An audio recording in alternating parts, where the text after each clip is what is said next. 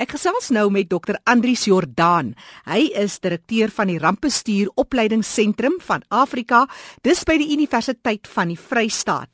Op die 27ste Junie was die minister van omgewingsake, Barbara Thomson, juis in die Vrystaat omgewing daarop lei die brand en dit was ter viering van wêreldwye voorkoming van ontbossing en droogte. Andries, as 'n mens praat van ontbossing, woestynvorming, verarming van grond en so meer, wat sou jy met ons deel ten opsigte van Afrika en Suid-Afrika?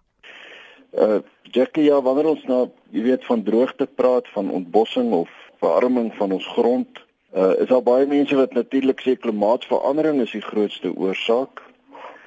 Uh en ons weet almal dat klimaatsverandering weet vind plaas. Dit is 'n feit dat dit plaasvind.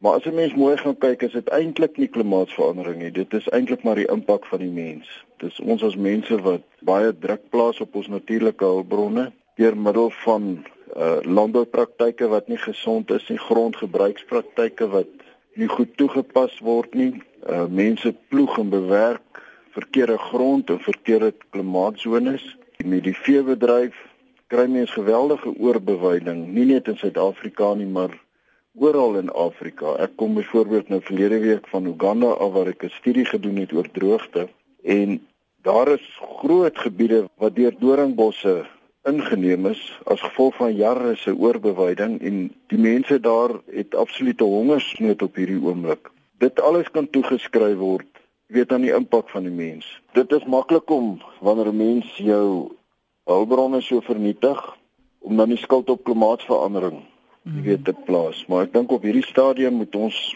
bietjie hand in eie boesem steek en kyk hoe hanteer ons ons eie hulpbronne. Andries nou na aanleiding van die navorsing wat julle doen, die resultate wat julle sien ten opsigte van ontbossing, droogte en so meer in Afrika, wat is julle rol en hoe raak julle betrokke? Uh, Jackie, ja natuurlik is ons baie betrokke. Kyk, ons fokus maar op buitengewone gebeurtenisse soos jy weet soos droogtes, vloede uh, ensovoorts. Natuurlik moet jy mens kyk wat is die grondoorsake van baie van hierdie goed, soos droogte. Ons het byvoorbeeld ag 'n jaar, 2 jaar gelede 'n studie voltooi in die Noord-Kaap waar ons gekyk het waarom is dit dan dat boere meer droogtes ervaar as in die verlede? Hmm. Want dit is natuurlik in die persepsie van mense wanneer jy met mense praat self vir jou ja, dit reën baie meer baie meer gekonsentreer, ons het meer vloede, maar ons het ook baie meer droogte. Uh ons het toe die 100 jaar reënval gaan ontleed en ons kon geen bewys kry dat oor 'n 100 jaar tydperk daar verandering in reën reënval is nie, maar mense ervaar tog meer droogte. En as 'n mens daar gaan kyk na die bewyding, kan 'n mens sien dat die Oos-Kaap byvoorbeeld 25% te veel vee op het. Uh die veiding is nie meer van dieselfde kwaliteit as wat dit was 50, 60 jaar gelede nie, ten spyte van die goeie beplanning wat boere doen. Jy weet, met kampe, met waterverspreiding ensovoorts. So ten spyte van dit alles het die veld agteruit gegaan en en het ons gekry dat wat eens grasvelde was is nou bossieveld. En wanneer dit nou 'n ligte droë periode is of enige droë periode wat 'n mens mos nou verwag in die klimaat, dan ervaar die mense dit as alreeds as 'n droogte. En dit is juist die probleem is dat die weerstand wat wat ons natuurlike hulpbronne het teen droë periodes is nie meer so goed nie. As gevolg van die verarming van die grond aan die een kant en dan ook van die verandering in, in grondbedekking. Ja, die uitdaging is dan om te sê maar my hulpbronne is nie meer wat dit was nie. Alhoewel ek my boerdery aanpas by die huidige klimaat wat daar heers en by dit wat die hulpbronne kan kan verskaf. So natuurlik is ons daarbey betrokke om aan boere daardie boodskap uh, deur te gee. En daar is baie goeie voorbeelde van boere. Ek het byvoorbeeld in Vryburg geboer gekry wat gesê het sy familieboer sedert 1870 op die grond Hulle pas grondbewaring toe, hulle pas uh, gesonde landboupraktyke toe en die oom is 'n ouerige oom ja reeds van diep in die 70 het vir my gesê man hy het nog nooit nodig gehad om aansoek te doen vir droogte nie. So dit wys vir jou mense kan met die regte bestuurspraktyke kan mens weerstand inbou in jou bestuur teen hierdie uh, ekstreme gebeurtenisse soos droogte. Ons kyk byvoorbeeld na 'n plek soos die Kalahari en ons praat nou oor baie jare heen wat dit tog 'n natuurlike proses is. Dis nie hmm. dis nie 'n oorbevolkte area nie, maar kyk nou as na so 'n omgewing waar woestynvorming tog maar gebeur het oor 'n kwessie van tyd. Wat is die natuurlike aspekte? Hoe bring 'n mens dit in verband? Ja, Jackie, ek dink natuurlik die temperatuur verander. Dit dit is 'n feit dat dit warmer word. Lyk dit vir my ons het ook gevind dat oor die laaste 100 jaar uh het ons temperature definitief uh gestyg. Ek is nou nie 'n plantkundige nie, maar blykbaar het die koolstofinhoud uh in die lug het ook 'n impak op die tipe plante wat daar uh wat daar groei. Blykbaar bevorder hoër koolstofinhoud meer uh die vorming van bossies. Uh, jy weet dit byvoorbeeld die voordeel die groei van bossies uh, in steede van gras. So ek dink daar's 'n hele komplekse faktore wat wat 'n rol speel om dit te dit te veroorsaak. Maar op die einde van die dag kan 'n mens maar gaan kyk die die mense impak is is maar die grootste.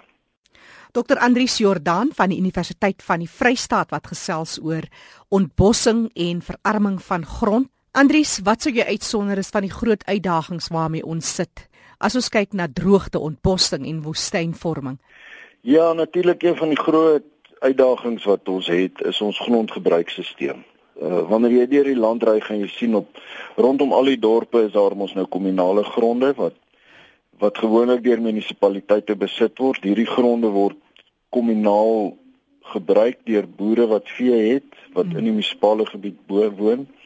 En as gevolg van die swak bestuur en as gevolg van 'n grondeienaarskap wat nie goed gedefinieer is nie, word daardie tipe gronde geweldig oorbewy. Ons kan dit duidelik sien as jy deur die uh Oos-Kaap gaan ry in die in die distrikte Oliver Tambo en daai distrikte. Die geweldige oorbewyding wat daar is. Ja. Dis natuurlik een van die probleme in Afrika ook, is dat die meeste Afrika lande of eintlik bykans al die Afrika lande behalwe miskien ons in Namibië het 'n kommunale grondgebruikstelsel waar die grond maar aan die regering behoort.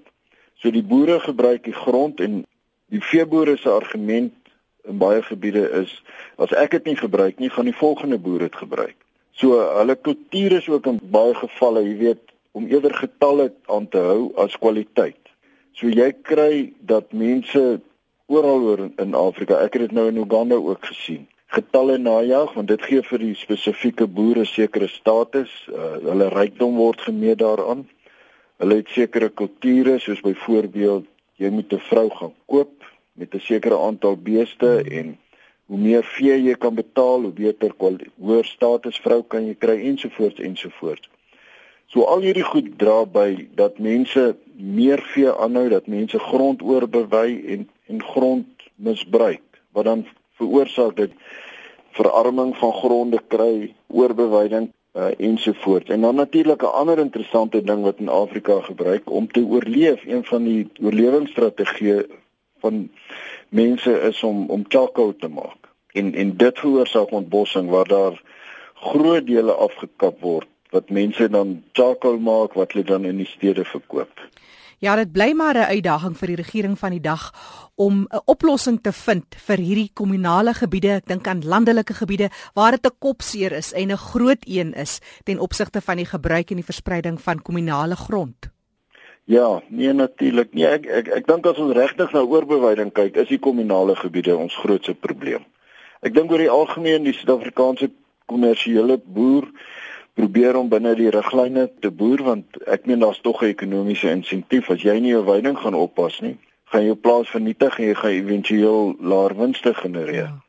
Daar is tog die die finansiële die die vrye markekonomie wat aan die een kant boere verplig behalwe die morele verpligting om na hulle grond te kyk, maar die ekonomie verplig hulle tog ook om dit te doen.